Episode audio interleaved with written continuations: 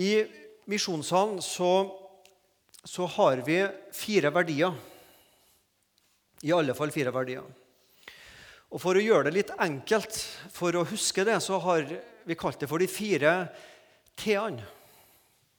Det er fire åndelige verdier som vi trenger å fokusere på både i eget liv og i forsamlingas liv.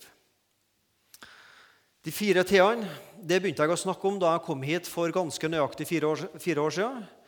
Og det har jeg tenkt å snakke om så lenge jeg er her. Hva står disse fire T-ene for? Forslag, tro, det å komme til tro og det å vokse i tro. Jeg kjenner jo selvfølgelig ikke hjertene til alle som er her, men jeg kjenner også såpass at jeg vet at de aller fleste, kanskje alle her, bekjenner den kristne troa. Du kom til tro en dag, og du må vokse i troa. Tilhøre Vi tilhører først og fremst Gud, vår skaper og frelser. Men så tilhører du også ei forsamling. Vi er ikke kalt til å være solokristne. Tro tilhører. Den neste verdien det går på forholdet mellom deg og meg og Gud. Altså ikke oss imellom, men Gud og enkeltmennesket. Hva kaller vi den verdien? Tilbe. Og Den siste verdien den går på det mellommenneskelige plan. Inspirert av Gud, men det er noe vi gjør overfor hverandre. Hva er det vår neste trenger av oss, som ikke Gud trenger av oss? Tjene. Det er ikke Gud som trenger våre gjerninger, det er vår neste. Tro tilhører tilbe og tjene eller tjeneste. Det er fire verdier som er viktige for meg, og ikke bare for meg, men for Misjonssalen. Og I dag så skal fokuset være på tilhøre, og i den forstand at det å tilhøre handler om å vokse i tro. 1.1.2011, altså for ett år siden, så var jeg ute på en joggetur. Og jeg husker at jeg tenkte med meg sjøl Hvis Jesus ikke kommer igjen i 2011, og hvis jeg ikke dør i 2011, da er det 100% sjanse for at jeg kommer til å oppleve nyttårsaften 2011. og hvis jeg opplever det For det første vil jeg fortsatt være en kristen. Og for det andre har jeg i løpet av 2011 vokst i troa som en kristen. Jesus kom ikke igjen i fjor. Og jeg døde ikke i fjor, så jeg opplevde nyttårsaften. Og jeg var ute og jogga nyttårsaften i, altså for noen få dager siden. Og ja, jeg er fortsatt en kristen. Vokser jeg i troa i løpet av 2011? Det er jo ikke så lett å måle. Men jeg tror jeg gjorde det. Jeg håper i alle fall at jeg vokste som en kristen i løpet av det året. Jeg håper at jeg er en annen kristen enn jeg var for ett år siden. At jeg lever sterkere med Jesus, at jeg elsker han mer, og at jeg elsker mine medmennesker mer. At mine medmennesker merker at jeg har vokst som en kristen i løpet av ett år. Det håper jeg iallfall at det er sant. Sånn at det å tilhøre Gud, det handler om å vokse i troa og bli sterkere og mer bevisst hva og hvem Jesus er, hvorfor jeg tror, og livet som en kristen. Rundt nyttår hvert år så bruker jeg å lese Lukas kapittel 13, vers 6-9. Det er på en måte nyttårsbibelverser for meg. Og hvorfor det er det, det skjønner du fort når vi leser disse versene. Lukas 13, 6-9. Jesus sa denne lignelsen. En mann hadde et fikentre plantet i sin vingård. Han kom og lette etter frukt på det, men fant ingen frukt. Han sa da til vingårdsmannen.: Se, i tre år har jeg nå kommet og lett etter frukt på dette fikentreet, men ikke funnet noe. Hogg det ned. Hvorfor skal det stå her og utarme jorden? Men han svarte og sa til ham, Herre, la det få stå også dette året, til jeg får spadd opp rundt det og gjødslet det. Kanskje bærer det da frukt neste år. Gjør det ikke det, så får du hogge det ned. Jeg syns den fortellinga her, eller lignelsen her, det er, noe, det er først og fremst noe alvorlig med den. Men samtidig så merker jeg også evangeliet i denne fortellinga. Bare det at du og jeg får stå i Guds hage, det er evangeliet. Ingen av oss som har krav på å stå der. Ingen som kan komme til å si til Gud Gud, du har bare med å plante meg der. Det at Gud i hele tatt tar imot oss og planter oss i sitt rike, det er av nåde. Og så kommer Gud hvert år og kikker til sin plante. Ja, sannheten er han kommer hver dag og kikker til oss. Det er nåde. Det er evangeliet. Tenk at Gud kommer og ser til sin plante. Tenk at Jesus tar vare på denne planten gjennom året og steller den. Det er evangeliet. At Gud ser til oss enda et år. Men det er også et alvor i denne teksten. Dette treet det bar ikke frukt. Det å stå uproduktiv i Guds rike år etter år etter år og utarme jorda. Og så sier Gud 'hogg det ned'. Og Så ber vingårdsmannen ja, men la det få stå ett år til. Så skal jeg ta vare på det og se om det blir frukt. Vingårdsmannen kan godt gå på Rema og kjøpe to røde epler og noe teip og teipe på epler på et plastikktre. Men det råtner etter hvert. Iallfall eplene. Det, det, det er ikke liv. Men det skal i enhver levende kristens liv komme frukter av å leve sammen med Jesus. Ta med deg dette bildet når vi nå skal gå videre. Det å være en kristen, det å være planta i Guds rike, det er at vi skal bære frukt. Vi skal vokse som kristne. Og så et annet bilde fra sportslivet. Paulus skriver til sin venn Timoteus Muligens han var en atlet, for alt jeg vet, men i alle fall så skriver Paulus øv deg heller i gudsfrykt. For kroppslig øving å gå på treningssenter og sådan, det er nyttig til noe, i alle fall. Men gudsfrykt, det er nyttig til alt. Den har løfte både for dette liv og for det som kommer. Har det noe hensikt å ut og jogge? Er det noe vits å gå på treningsstudio? Er det noe vits å bruke tid på å trene kroppen og sykle og sånn? Ja, selvfølgelig er det det. Du får en bedre kropp, du får bedre helse, du får mer energi. Vi må ta vare på kroppen vår. Men vil du ha fordel av det i evigheten? På ingen måte. For den kroppen vi har nå, skal ikke vi ha med oss til evigheten. Vi får en ny kropp. Kroppslig øving er nyttig til noe her på jorda, men gudsfrykt den er nyttig både på denne jord og for det evige liv. Og så er Paulus sitt poeng til Timoteus på samme måte Timoteus, som du øver og trener kroppen din for at den skal bli bedre, Ta det like alvorlig med å trene ditt åndelige liv, sånn at du er i åndelig, åndelig god form. Ikke bare i fysisk god form, men i åndelig form. To bilder. Fra jordbrukslivet å ta vare på en plante, og fra sportslivet å trene kroppen. Sånn skal du ta det også alvorlig med ditt kristne liv. Ta vare på den planten som Gud har planta i sitt rike, og tren ditt åndelige liv. Hold ditt åndelige liv i god form, sånn at du ikke blir sløv og slapp som en kristen. Det skal denne talen handle om. Og Du skal få tre gode vaner som du og jeg som kristne må være bevisst i for å vokse som kristen.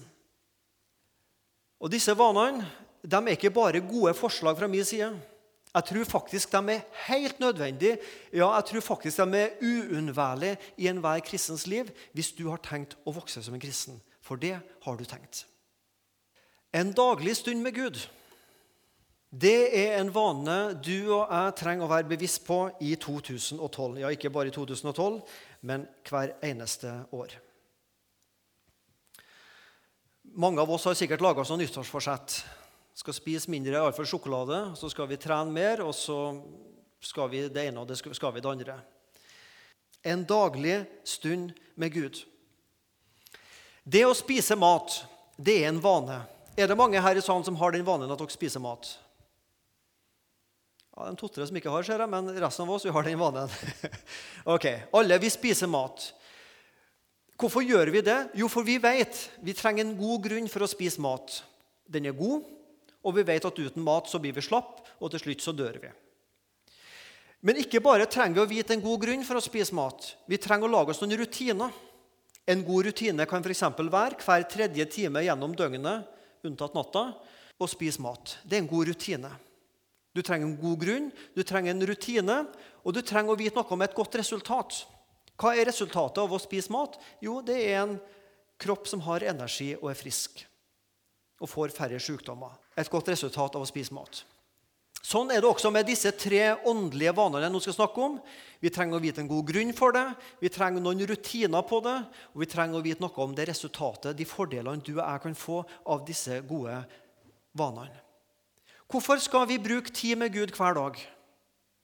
La oss nå si at vi bruker et kvarter med Gud hver dag. Altså, Da tenker jeg at vi leser i Bibelen og ber. Vi, vi lever jo med Gud hver dag, men vi prioriterer å sette av f.eks. et kvarter eller en halvtime til bønn og Bibel. Denne halvtimen kunne jeg ha støvsugd i huset. Jeg kunne ha passa ungene. Jeg kunne ha trena kroppen. Jeg kunne ha gjort andre ting. Hvorfor skal jeg bruke en halvtime hver dag på Gud? Hvorfor skal vi investere av vår tid og, bruke det med Gud? For å få rettledelse.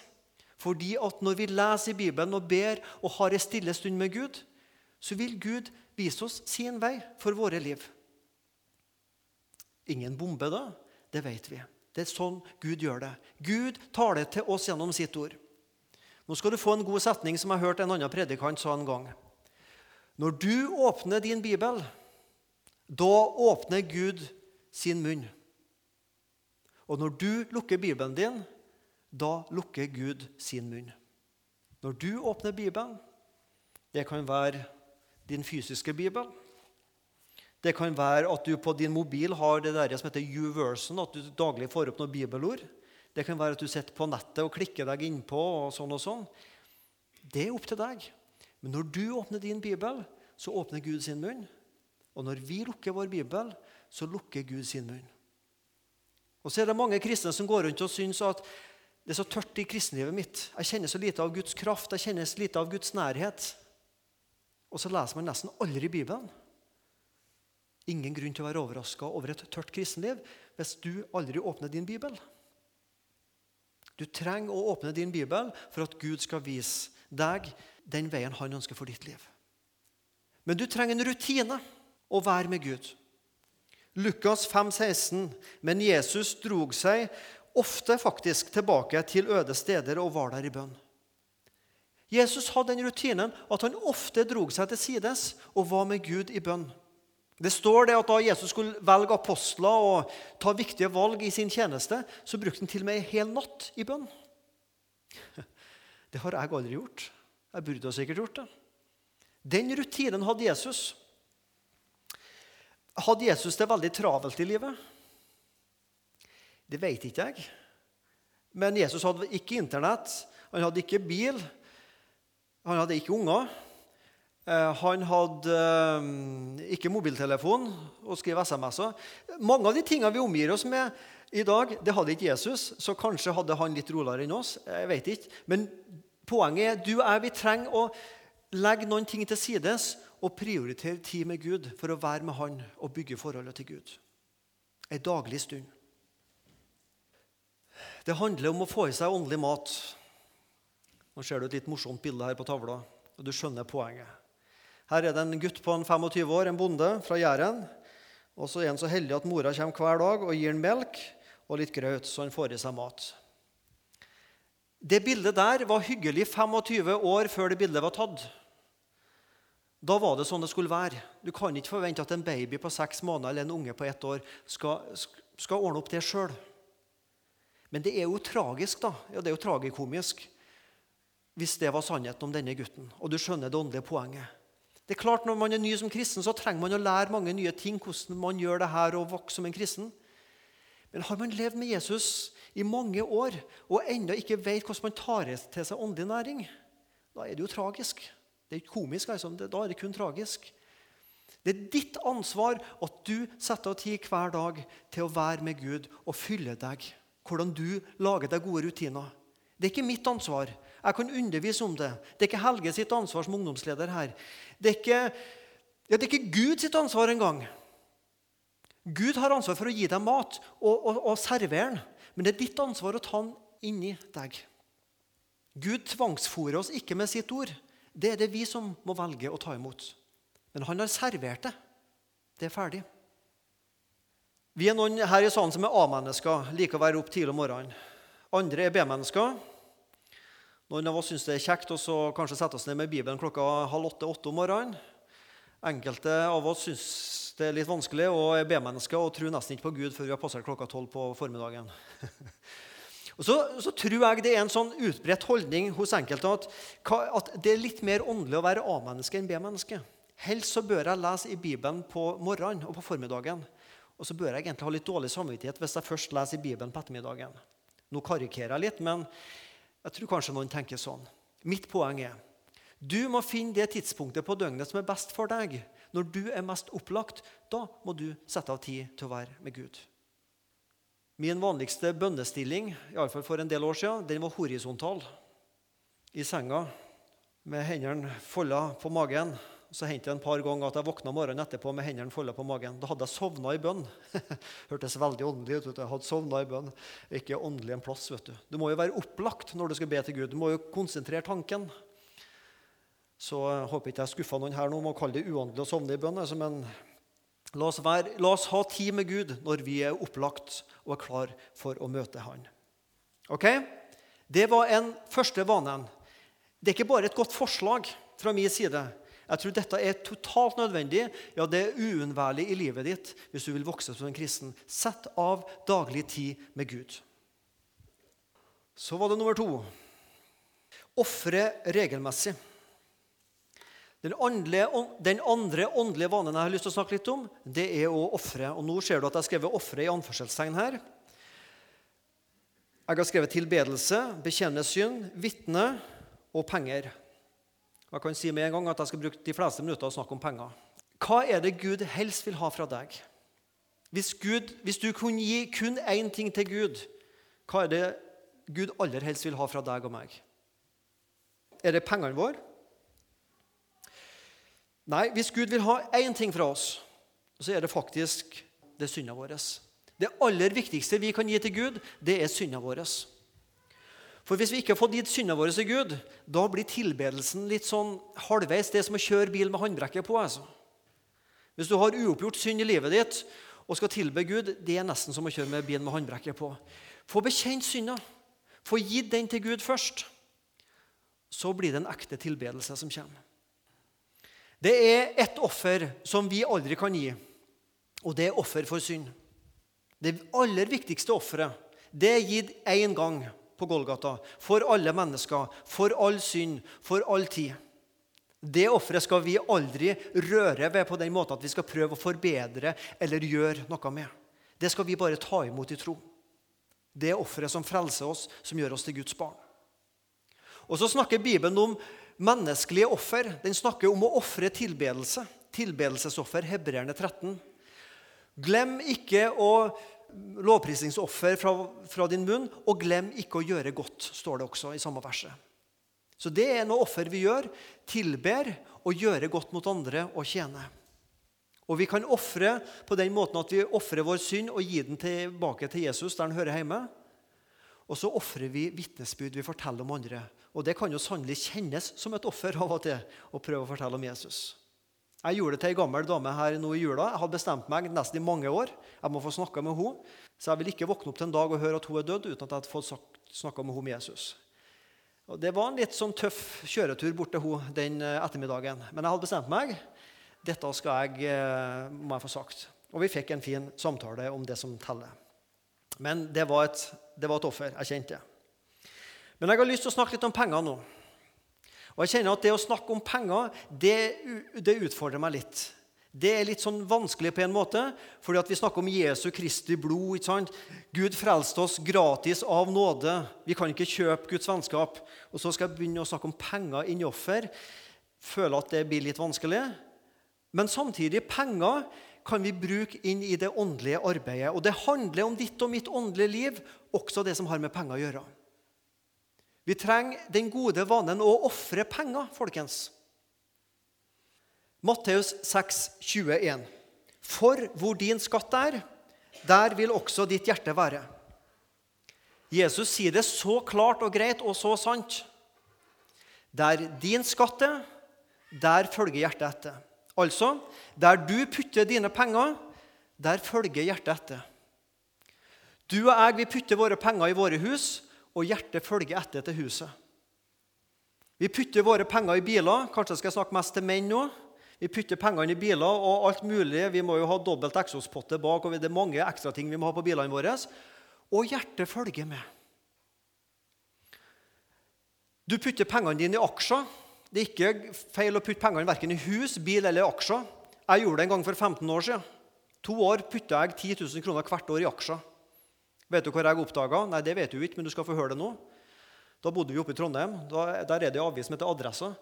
Når jeg slo opp adressa hver dag, det første jeg kikka på, det var aksjekursene. Har jeg tjent penger siste dagen, eller har jeg tapt penger den siste dagen? Hver dag. Jeg ble så lei at jeg måtte bare kvitte meg med aksjene, fordi at eh, det, det, hjertet mitt fulgte med. Andre kan klare det her selvfølgelig på en grei måte, så jeg står ikke her og sier at du ikke skal investere i aksjer. Det kan være lurt å gjøre det, altså. Men for meg var det sånn. Det første jeg så på avisa, det var aksjekursene. Nå har jeg blitt 45 år. Vet du hva det første jeg kikker på nå når jeg slår opp avisa nå? Dødsannonsene. Jeg vet ikke om det er så mye bedre, men jeg må jo følge med hvem som lever, og hvem som ikke lever. Men poenget er der du putter dine penger, der følger hjertet etter. Og så, når du putter dine penger i kollektkåra eller drar eh, kortet ditt Du drar ikke kortet lenger nå, nå, nå stikker du det, ikke sant? for nå må du ha chip på den. Så det uttrykket der å dra kortet det forsvinner jo ut av språket snart. Når vi gir penger, så følger hjertet etter. Når du gir penger til misjon, så følger ditt hjerte etter til misjon. Er ikke det flott? Det handler ikke om å kjøpe seg Guds vennskap, at Gud blir mer venn og jeg blir mer venn med Gud med penger. Det er jo vranglære. Men mitt hjerte dras nærmere Gud når jeg gir til Guds rike. 1. Korinterne 16,2. Paulus skriver til korinterne som er med på en innsamling til til de kristne i Jerusalem. Og så skriver Paulus sånn På den første dag i uken skal hver av dere hjemme hos seg selv legge til side det han får lykke til. Altså det han har bestemt seg for. For at ikke innsamlingen først skal begynne når jeg kommer. Den første dag i uken, hva er rutinen her? En gang i måneden? En gang i året? Du kan jo samle opp alt til slutten av året og gi en svær sum. Ja, I dag så skrev jeg ut en sjekk her på 70 000 kroner til misjonen. Altså. Var det noen som hørte meg? Var det noen som så meg? Nei, rutinen som Paulus ville lære dem én gang i uka. Legg til sides. Eller som noen velger å gjøre, én gang i måneden, ha fast trekk fra kontoen din, fast givertjeneste. Lag deg gode rutiner. Men det er et pedagogisk poeng av første dag i uken, på søndagen, å legge til sides fordi på den første dag i uken så legger man til sides av det man har fått av Gud, det man har tjent gjennom sitt arbeid, for å markere at Gud skal være først i mitt liv. På den første dag i uken, det første av det jeg har tjent, for å markere at Gud er først i mitt liv. På denne måten kan pengene være med og dra oss nærmere Gud. Nå har dere fått forklaringa, sånn at dere ikke tror at jeg står her og snakker om at vi kan kjøpe oss Guds vennskap. Men med vårt offer så kan, vil hjertet vårt følge med til Guds rike. Ha gode rutiner på din givertjeneste. Og resultatet, Malaki 3.10.: Bær hele tienden inn i forrådshuset, så det finnes mat i huset mitt. Prøv meg på denne måten, sier Herren herskarenes Gud, om jeg ikke vil åpne himmelens luker for dere og øse ut velsignelser over dere i rikelig mål. Gi til Guds rike. I den gamle pakt skulle man gi tiende. Så kan vi bruke litt tid her på å diskutere skal man gi tiende i den nye pakt. Jeg skal ikke bruke tid på det. Men poenget er iallfall av det du har fått, så skal du gi til Guds rike først. Og prøv Gud på denne måten, så skal du erfare at hans velsignelser blir utøst over deg. Vi ber, kjære Jesus, kan du velsigne meg, kan du velsigne livet mitt? Og så sier vi til andre La meg få være med å velsigne deg. Hva mener vi da? Hva mener Bibelen når den snakker om å bli velsigna? Å velsigne betyr å bli tilført noe. Noe som allerede er blir tilført noe mer. Forbannelse er det motsatt. Noe som er, blir fratatt det som er. Da Gud skapte Adam, så pusta Gud sitt liv ut inn i Adam. Og Jesus sa til disiplene ta imot Den hellige ånd, og han pusta på dem. Han velsigna dem. Han pusta ut liv inn i menneskene. Forbannelse det er når vi suger til oss egoisten som vil bare ha, ha og ha. Å velsigne, det er å gi. Det er med å øke. Så Når du gir din kollekt, så er du med å velsigne misjonen. Du er med å tilføre noe godt til det som allerede er. Hvorfor skal vi gi penger til Guds rike? Jo, fordi at misjonen trenger penger. Misjonæren kan ikke møte opp på Sola på, på, flyplassen og si at 'jeg skal ut til Etiopia, gi meg en flybillett'. Da vil den som sitter i skranken, si 'ha-ha-ha, jeg må ha penger'. Det koster. Vi skal gi til Guds rike fordi at vi skal drive misjon, fordi det koster, og fordi at det drar vårt hjerte mot Gud. Og Så skal vi også gi av den årsaken at Gud, vi blir mer lik Gud når vi gir. Hvorfor blir vi det?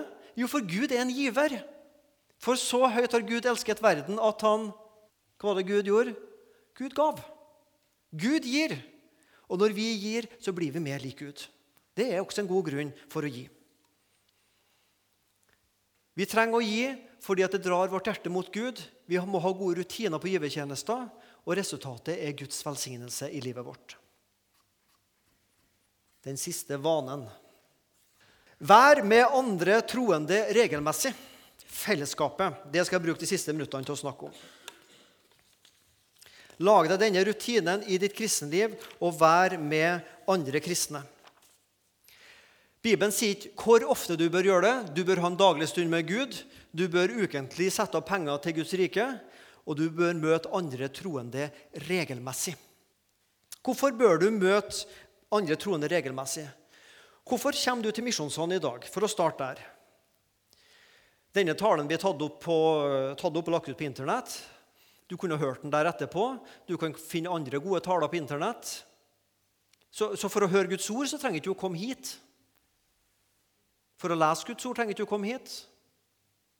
Hva kan vi oppleve å gjøre sammen her i dag som vi ikke kan for oss sjøl? Det er akkurat det som Hebreerne 10,25 forteller oss. La oss ikke holde oss borte fra vår egen forsamling, slik noen har for dårlig vane. Men la oss formane, oppmuntre, trøste hverandre, og det så meget mer som dere ser at dagen nærmer seg. Du kan høre Guds ord hvis du sitter hjemme, du kan lese Guds ord, men du kan ikke oppmuntre og trøste og styrke hverandre hvis du sitter hjemme. Der, derfor må vi møtes sånn som vi gjør nå. Det er en god grunn for å komme sammen. Og hva er rutinen for å komme sammen? Apostelgjerningene 5.42. Uten opphold fortsatte de med å lære hver dag i tempelet og hjemmene og å forkynne evangeliet om at Jesus er Messias. Så ofte de kunne, så prøvde de å komme sammen, de første kristne. De møttes i tempelet, Salomos bueganger i eh, Jerusalem. Det sies at det rommet ca. 50 000 mennesker. Så etter hvert som menigheten vokste, så ble det for lite. Så de måtte, eh, kunne ikke bare møtes der, for det var en menighet som var større enn 50 000 mennesker. Det sies at den første kristne menigheten i Jerusalem var over 100 000 mennesker. En, to, tre Ja, vi har et lite stykke igjen, folkens. Vi har et bra stykke igjen før vi er som de første kristne. Men Det skal ikke gjøre oss mismodige, det skal bare inspirere oss. Tenk, De første troende opplevde en sånn vekst. At de ble så mange at sjøl Salomos bueganger på tempelplassen var, det var ikke stort nok for dem. Så de måtte dele opp i smågrupper, husfellesskap. De kom sammen hver søndag, men gjennom uka så kom de sammen til smågruppe, misjonsforening. Jeg vet ikke hva de kalte det den gangen. Du trenger å møte andre troende i et større fellesskap. Du trenger å møte andre troende i et mindre fellesskap, der man kan snakke personlig. Det er ikke så lett å være personlig her og begynne å brette ut livet vårt. Det er ikke sikkert det er rett heller at vi skal si alt personlig her. Det kan vi gjøre på en helt annen måte hvis vi samles en fire-fem-seks stykker sammen i en forening. Da kan vi åpne oss på en annen måte. Den store forsamlinga i smågrupper. Og så vil jeg også si, for jeg vet det er mange småbarnsforeldre her, heimen. La heimen være en plass der vi trimmer vårt åndelige liv. Også om man ikke har barn. altså. Det er jo ikke bare om man har barn. Men vi spesielt sier det til dere som har barn. Dere kan aldri starte tidlig nok med å lære ungene om Jesus og lære ungene å lese i Bibelen og høre om Jesus med middagsandakt eller hvordan man gjør det. Jeg vet fra eget liv dette er vanskelig. Det er vanskelig å få tid og rom til det. Det er vanskelig å få stillhet til det, og så skrikes det, og så søles det, og så blir maten kald, og så blir det ene og det andre. Og så, oh, så følte man at man mislyktes. Jeg har mislyktes mange ganger der. Men prøv igjen! Ikke gi opp. Bygg noen daglige stunder i deres private hjem. Om dere nå har barn eller ikke, betyr ikke så mye her. Ha en stund sammen. Det er vanskelig å få til, men dere vil oppleve en velsignelse med det. Hva vil skje når vi bruker tid på å møtes som troende? Jo, vi står sterkere sammen. Det å være en kristen det er som å spille på et fotballag. Vi står i en kamp. Og Skal et fotballag vinne, så trenger det mest mulig spillere. Færrest mulig utvist. Det er iallfall veldig dumt av en fotballspiller å si dere kan ta det med ro i dag. Jeg kan gå ut på banen så skal jeg score. Jeg kan, jeg kan vinne hele kampen alene mot det andre laget. Det å tenke sånn er like dumt som å være en kristen og tenke at jeg trenger ikke noe fellesskap. Jeg klarer meg sjøl. Eller som en soldat og si 'Slapp av, folkens. Ta det med ro nå. Jeg skal gå ut i krigen alene.' Jeg trenger ingen hær bak meg. Han lever ikke lenge. En soldat uten hær, en fotballspiller uten fotballag, det er som en kristen som ikke har behov for et fellesskap for en forsamling. For vi, vi står i en kamp, og vi trenger hverandre. Jeg trenger å lære noe av deg som du har oppdaga i livet, som jeg trenger å lære for å takle min hverdag. Og kanskje trenger du å lære noe av meg. Sånn trenger vi hverandre. Det kan være at du syns denne preka er god. Kanskje gjør du det. Og så går du ut og så sier du, Svein Anton han preka for en gangs skyld veldig bra og hadde noen gode poeng i kveld. Ah, det var viktig det her med å ha litt tid med Gud og ofre penger til misjon og være i fellesskap med andre troende. Og så blir det ingenting mer av det. Jeg vet hvordan det er. Jeg har vært sånn også og gjør sånn ofte. Så Derfor tenkte jeg du skal få en utfordring i kveld, og prøv å være litt konkret og sette deg noen mål for eget liv. Vi skal ikke bruke tid nå i møtet til at du skal fylle ut dette, men jeg vil at du, og det mener jeg alvorlig, ta med deg denne arket enten senere i kveld eller i morgen eller om en to-tre dager, og sett deg noen personlige mål for 2012 når det gjelder hvordan du skal prioritere Gud med tida di, hvordan du skal prioritere Guds rike med givertjenester og med fellesskap og tjeneste. Og Så kan du signere og så kan du sette dato på. Så kan du enten legge det i Bibelen din, sånn at du finner det der. Du kan legge det på nattbordet. Eller du kan finne en sånn magnetknapp vet du, og sette det på kjøleskapsdøra. Så blir det veldig synlig for alle som kommer i huset. 'Å ja, det skal hun gjøre', ja. Nei da, det må du gjøre. Men finn en plass der du har det, der du kan ta det fram, og der du kan sjekke deg sjøl etter hvert. Det å sette seg mål er alltid farlig. Det beste, enkleste vi kan gjøre, det er å ta en pil og bue, og så skyter du på veggen, og så treffer pila, og så tar du malerkost etterpå, og så går du og lager rundinger rundt pila. Da har du truffet blink, liksom. Det er jo sånn Vi ofte gjør det. Vi skyter i vilden sky, og så lager vi oss mål etterpå. Det er farlig å lage seg mål på forhånd, for da kan du bomme. Men hvis du ikke lager deg mål, så vet du aldri når du traff. Og så kan det være at du bestemmer deg ok, i 2012 så skal jeg lese ett kapittel i Nytestamentet hver dag. Det er målet mitt. Så går det bra i januar, og så går det halvveis bra i februar. Og når det kommer til mars, så var det kun fem dager du klarte. Og hva, hva, skjer da? Jo, Da gir vi veldig fort opp og tenker jeg klarer ikke å være konsekvent i bibellesing, så jeg kan like godt gi opp alt sammen. Nå skal vi ha håndsopprekning. I løpet av 2011 eh, Hvor mange i denne salen i løpet av 2011 har i alle fall én gang i løpet av 2011 hoppa over et måltid mat? Du hadde bestemt deg for å spise, og så hoppa du over det måltidet. Hvor mange i salen her har i løpet av 2011 i alle fall hoppa over ett måltid mat? Ja, Det var i grunnen alle sammen. Å, shit, jeg hoppa over et måltid mat. Da klarer ikke jeg å være konsekvent og spise, så da kan jeg liksom kutte ut og spise. Tenkte du sånn? Nei, du spiser mer neste gang. Dagen etterpå. Å, jeg klarte ikke å lese et kapittel hver dag som jeg hadde bestemt meg for. Nei, men så les to da, dagen etterpå. Det er jo ikke verre. Må ikke gjøre det alvorligere enn det. Men dette tror jeg kan være en hjelp for deg. Jeg skal, jeg skal også gjøre det. Det lover jeg dere. I løpet av noen dager skal jeg sette meg ned og lage meg mine personlige mål. De er mine. Dere skal ikke stå til ansvar for meg, og jeg skal ikke stå til ansvar for dere. Det er en avtale mellom deg og Gud. Og går det skeisen, vel, du prøvde i alle fall. Det dummeste vi kan gjøre, det er å ikke prøve i hele tatt. Ok. Jeg hadde mer jeg skulle sagt, men tida har gått så fort at jeg eh, skal la det ligge. Men jeg har lyst til å avslutte med å be. Og Da har jeg lyst til å be for oss at vi i løpet av dette året Jeg har rett og slett lyst til å be at hvis Jesus ikke kommer igjen, og hvis vi ikke dør i løpet av 2012, at vi på nyttårsaften 2012 kan vite med oss sjøl ja, jeg lever med Jesus. Og jeg lever sterkere og mer intens og bedre med Jesus og mine medmennesker nå enn jeg gjorde 8. januar 2012, for ett år siden. Og der du kjenner at det med bibellesing og bønn det gjorde ikke du bare fordi at det sto en predikant og sa at du burde gjøre det men fordi det ble en indre drivkraft. Jeg vil være med Jesus. Jeg vil ha med Jesus å gjøre. Der det å ofre penger ble en glede. Der det ikke bare var sånn at hjertet følger etter pengene, men at pengene følger etter hjertet. Og der du vet med deg sjøl 2012 det ble det året da jeg investerte å være med andre kristne